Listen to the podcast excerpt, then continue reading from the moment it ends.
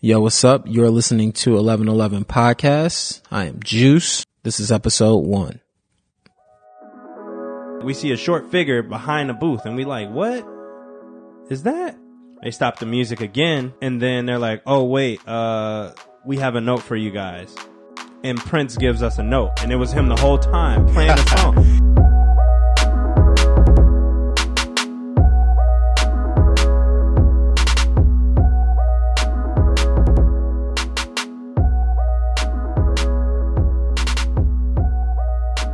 Today's guest is Herb Johnson. Let's get right to it, man. So, when did dancing become a hobby, and when did it make the transition to become a career? Um, freshman year is when dancing became a hobby. I met a guy named Rob Buckner. Um, we uh, we were in class. I approached him, said what's up or whatever, and uh, eventually it got to the point where I started practicing dance at home because he was all like, "Oh, I beat you in a dance battle, this, that, and the third. and so I would go home and I practice. Um, and an opportunity came about when there was a talent show coming up for the school, and he was in the dance uh, class at the school, and at the time I was in the arts class, so I didn't know anything about it. He came up to me and was like, "Yo, you said you dance, right?" And I'm like, "Yeah, yeah, I dance." And he was like, "All right, well, we doing a talent show, and one person dropped out, so if you trying to hop in." Then we could just do that, and I was like, "All right, cool." I thought he was going to try to battle you. Yeah, That's- Yeah, but nope, not this time. I think he probably wanted to just see what I was capable of. Like some people, they they don't want to just call you out right away. If Yeah. they if they're a little scared, they'll be like, I ain't never seen him dance, so I'm not gonna just be like, oh, I'm gonna battle him right here, right now. Right. They want to see what you can do first. So did that performance. It was great. Uh, I love the energy, the audience's energy, uh, the energy on the stage, and sharing it with the people who performed. Uh, it was awesome, and so then it just became something that I like to do. Um, it became a career like toward the end of high school slash once I graduated. And that's when you went to the art. You transferred from North High, and you went to Perpich. Correct. Yep.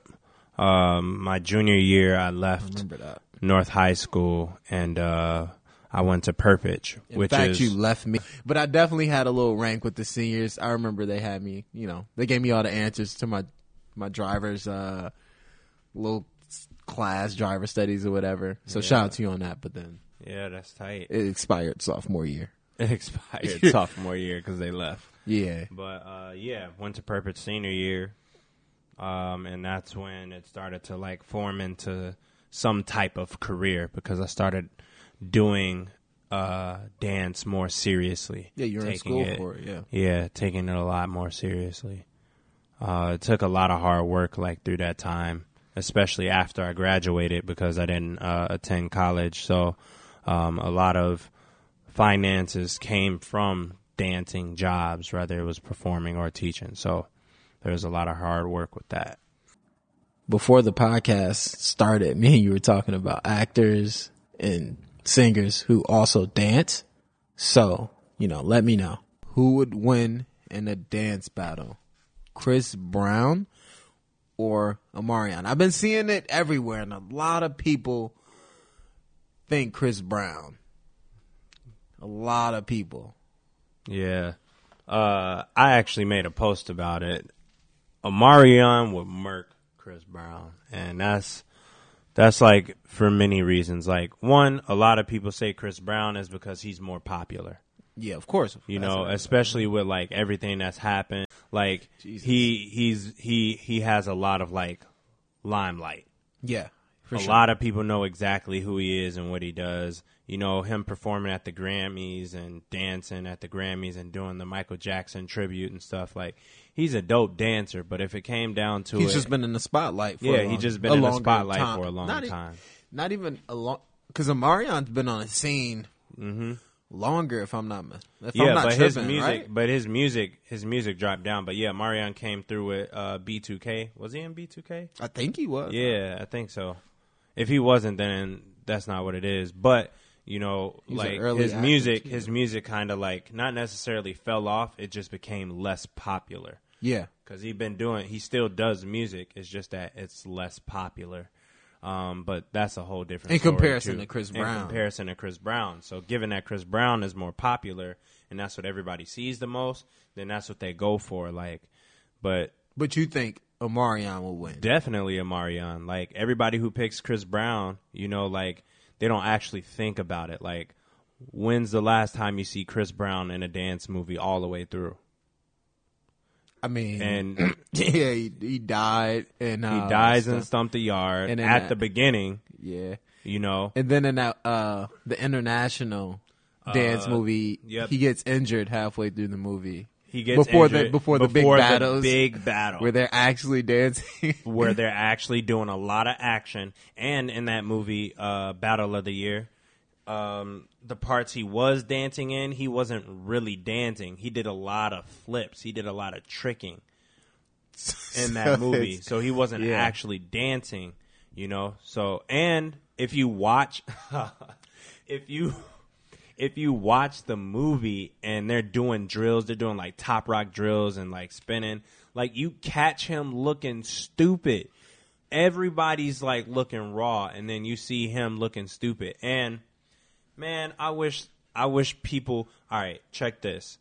Anybody who listens to this, Check this. go on YouTube, put in Battle of the Year scene, um, practice, and or uh, cipher in the gym room. This is when they were trying to see what everybody was capable of. There was a scene where everybody was going in a circle dancing, and then as soon as it got to Chris Brown, the angle switches to the people talking. And then once Chris Brown's round is at the end, it goes back to Chris Brown ending his round. And then it continues on to the next dancer. Shows everybody else's rounds except Chris Brown. So it's a front. It's a super hard front. Omarion, he was in a whole movie you got served. The, and he was the lead character. Him I mean, and but Marcus was, but was he nice and you got served? Yeah, he was nice. They was doing the, the the choreography, and then not only that, but come on, like music video touch. I mean, facts. He's And he wasn't even he wasn't even really doing nothing but He was dancing walking around dancing in the street the whole time, fly. And on top of that, like Omarion's the most involved with the dance scene. Like out in California, every now and then he shows up to a DC session. DC is Demolition Crew.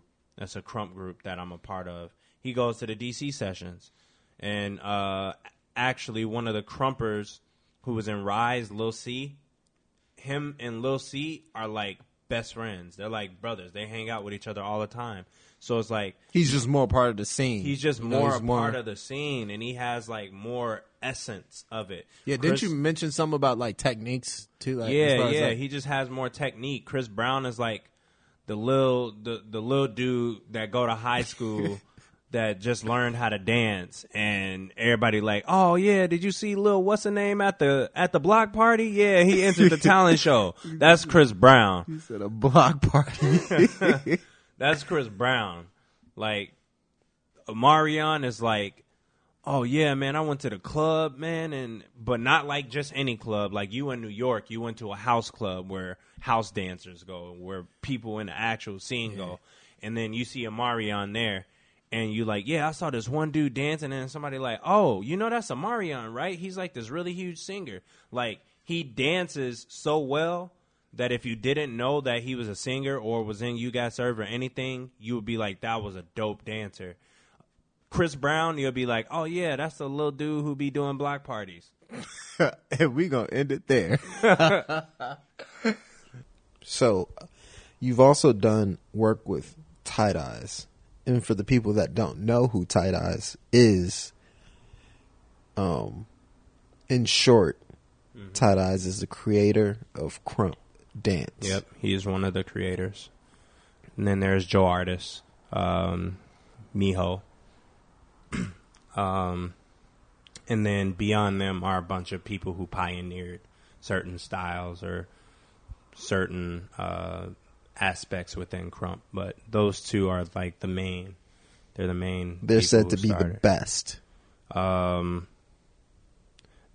Yeah, you could say that for sure. Yeah. So Yep. you, how did how did you contact him? You did an uh, event with him recently, right? Yeah. Um, I had a couple run-ins with uh, with Tight Eyez. Like I've taken this class. I think it was maybe. Um, I I've had a couple run-ins with Tight Eyez. Um, I just then contacted him uh, through his uh, through his business email. Uh, he has a brand called Buckster, um, and uh, through Buckster they do a training program called SLX, Street Legend uh, training, and he had already started this training, and it was something that I wanted to do. So right away, I was like, I got this grant money. Bow, I'm doing SLX right away. So I contacted him, uh, just threw everything out there information wise. Um, and from there, we just had conversations back and forth. And then actually, it's crazy because when I went out to the West Coast to, um, when I went out to the West Coast to do my SLX, uh, it was going to be in LA. So I got my plane ticket to LA, got the rental car, everything. I'm staying at uh, my bro Nick's crib, um, and I'm chilling with uh, chilling with my bro Josh. And then uh, Tight Eyez emails me and he's like, "Yo, is there any way um, that you could do your SLX in Vegas?" Because something came up, and I, in my mind, I was kind of like, "Dang, in Vegas? I'm in LA."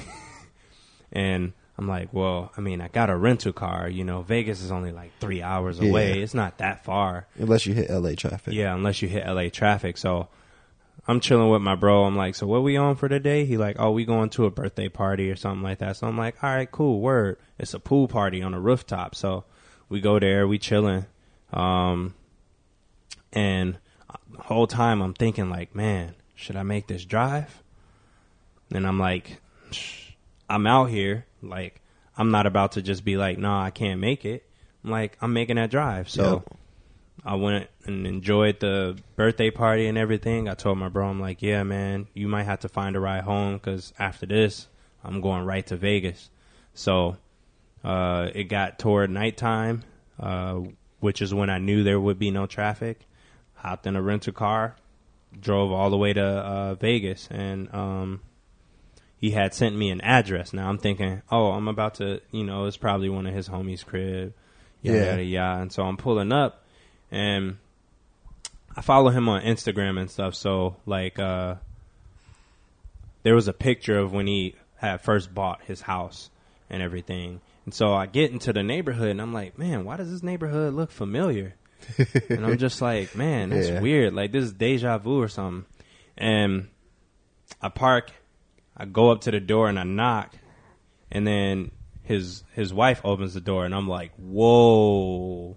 I'm like, this is This- his crib, and I'm like, changes things. yeah, and I'm like, man, this is like, this is about to be a dope SLX experience because like, I'm at his crib, like, Yeah. So I go in, I meet his little bro. Uh, his bro was just watching TV or whatever, and he hit me up.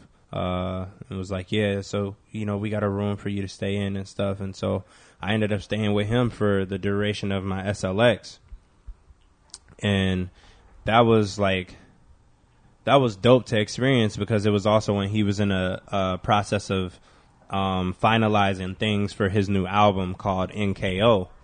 Um, and uh, I got to sort of get sneak peeks and listen to some of the tracks on there, and that was super tight uh, to see him in that atmosphere and working on his album and stuff. And then, um,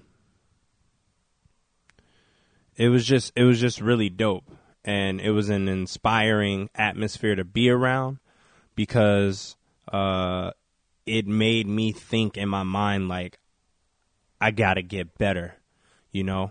Um, and as someone who, like, for him, like he's an African American male who created a dance style that's liberated a lot of different people and is also a worldwide style. Like it's no longer just in the West Coast.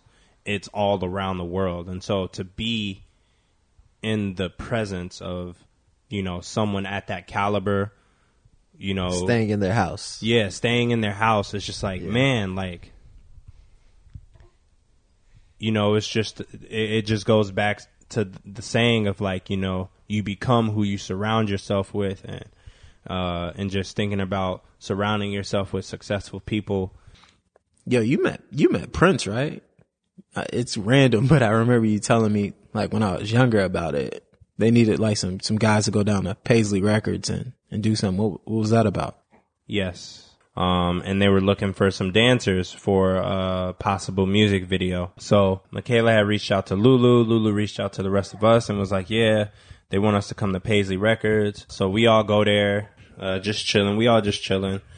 And, um, eventually we start shooting. So we learn a little bit of choreography from, uh, their choreographer. We, you know, do the shoot and then we dip out. Then we come back another day. Um, and this time it's like, it's a little different. It's for, it's for a video shoot. They didn't really tell us what video shoot or what song or nothing. And, um, it was super funny because, uh, if you, if, if anybody listening to this has, uh, watched Dave Chappelle show and the Charlie Murphy story on Prince and like, you know, Yeah. like walking in and seeing a basketball rim and like fog everywhere, like legit. we walked into this room and they were ready for us. We walked into this room and it was fog everywhere. Fog everywhere. And we're just like, okay, word. Like, this is going to be crazy. And like, I know they prepared the fog for the shoot, but it just made me think about Charlie Murphy's story. And then we all just started making jokes about wanting pancakes or Yeah, grapes. yeah. you know? like- Yeah. And so, uh, they turn the music on and they're like, yeah, so this is the track that y'all are gonna, uh, be dancing to and they play it and it's Prince's track Screwdriver. So we're like, oh, this is tight. Yeah. This is tight. and then, uh, the choreographer, he tells the person, uh, at the, at the booth, uh, hey, can you restart the track? And so everybody looks over. We didn't even notice there was a booth over there. So everybody looks over and we're like, booth, what? And we look over and we just see this little short person, like we see a short figure behind a booth and we like, what is that? They stop the music again and then they're like, oh wait, uh, we have a note for you guys. And Prince gives us a note and it was him the whole time playing the song. so everybody's like, yo, that's Prince, that's Prince. So we're like, oh, you know what? This is Prince is in the booth Yeah. giving y'all notes. work for real. They're like, yo, and Prince, like, hey, t- switch, go back, turn the song. And Yeah. Prince is in there. Yeah, and that was that was super tight. And we had learned that from the first time we went there, he had this re- he had this uh this window that was a only a one way like window, Yeah. and so he was watching us the whole time. The last time we were there, which is Ah. what inspired him to have us be there for his shoot. and so we uh we're doing everything. We're dancing. We're freestyling in the fog and everything. And then he walks down and then he gives us some notes. And then he walks back up to the booth plays the music. So we're dancing again now it gets to the end of the night recording's done we're all uh getting ready to dip and the choreographer There's comes more up to to, the us story. there's more to the story. Choreographer comes up to us and he's like, uh, wait one second before you guys leave. Um, we just have one more thing that we need y'all to do, but, uh, let me go and handle something quick and I'll be right back and tell y'all what that is. So everybody's like, what? Like, we're doing one more thing? I'm bringing So you he- back, bring you back some food. Uh, So he dips out. Um, so he dips out. About five, ten minutes later, he comes back and he's like, "All right, I just need y'all to follow me." So everybody following him, following him, and then we're walking. We're walking down this hallway, and then we start hearing music. We're like, "What?" And now this isn't music from a speaker. This is like live. So What? he opens a door and Prince and the rest of his band is playing music and they do a live concert for us privately for a good 15 to 30 minutes. Wait, what? we had a live concert privately from Prince and his band. And it wasn't and it wasn't like no like it wasn't like a they're on a stage and we're like far away like we were in an apartment size room very close and intimate lights are on so it's not like dark and club vibe lights are on and they're just playing That sounds their practice room. Amazing. and he just played like a and like when I say he was like playing, it wasn't like he was showing us like, yo, these are some tracks. Like he performed for us. Yo. And that was probably like one of the craziest experiences ever. That's to even insane. it was super surreal. Like I left like, yo, like a lot of people left like, did that just happen? Like for real? Like did that That's really so just wild. happen? That's so so we just stayed in there, we danced, we vibed out to his tracks. And then now, uh, once he was done, he was like, you know, that was my way of thanking y'all for, you know, coming here and doing those video shoots. That's amazing. Prince Yeah. is like, yeah, uh, I'm not gonna pay you in trident layers. Here's a performance. Here's a performance from the greatest of all time. Yeah. And uh, what's crazy though is that after that night, we ended up getting two VIP tickets for his concert at um, Myth. What? He had a concert at and he just gave you guys a. Yep. So how many of you guys was it? Uh, there was a lot of us. Like everybody got tickets for it, but only certain people were available to go. Ah, Um, and so I went. VIP experience. VIP experience, but I want to say like halfway through the show because he already knew who we were. He was like, "Come on the stage." What? So we then came on the stage and we danced on the stage while him and his band played at that's at insane. Myth. Yeah, man. What? Yep. That's Super tight. Yo. Super tight.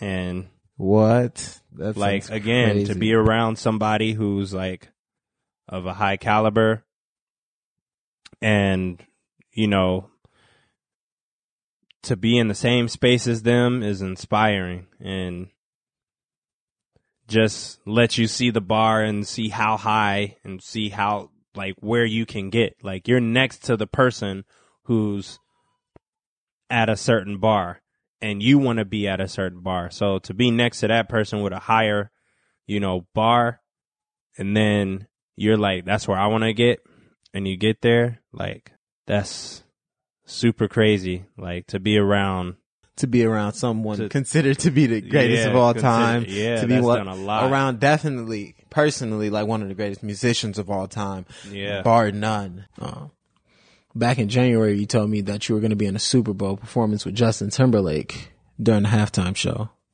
Um, but then you told me I couldn't tell anybody, so I had to hold that down. But now that you know it's over, how was that experience? You know, how did the opportunity uh, kind of surface? It was a dope experience. It was like last minute. They needed some guys. They had a lot of girls from like all over Minnesota. Um, it was actually a volunteer gig. Um, and it was filled with a lot of rehearsals. Um, a lot of the days we was just chilling, uh, waiting to Yeah. actually do stuff.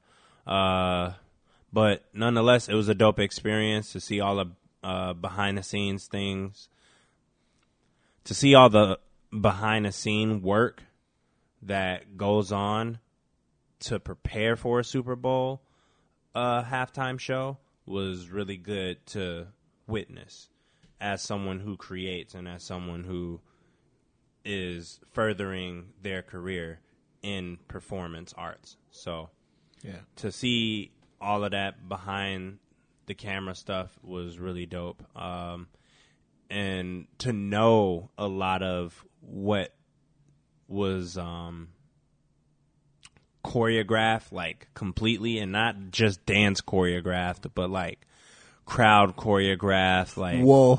yeah, just a lot of yeah. There's a lot of like behind the so like um, there's a part where um,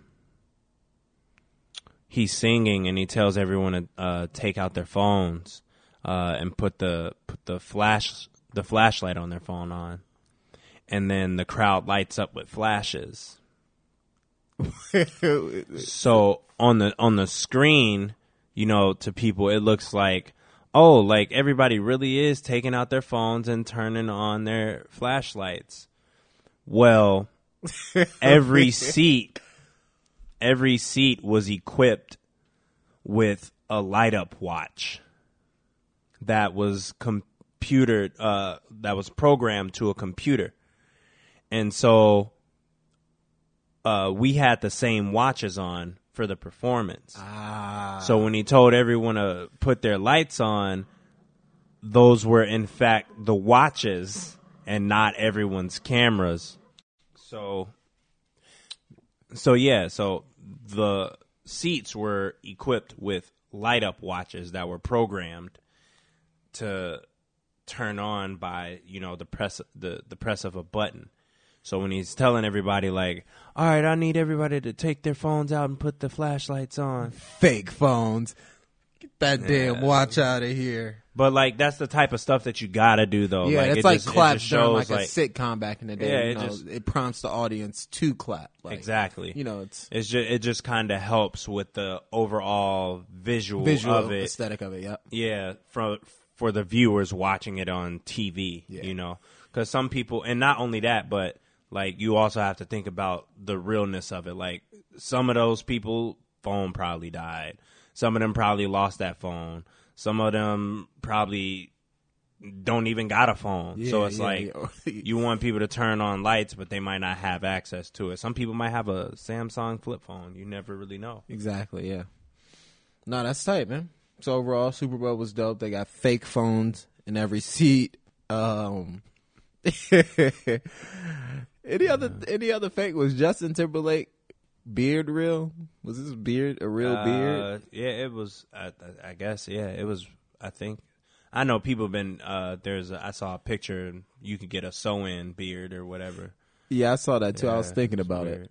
So, But yeah, I believe it.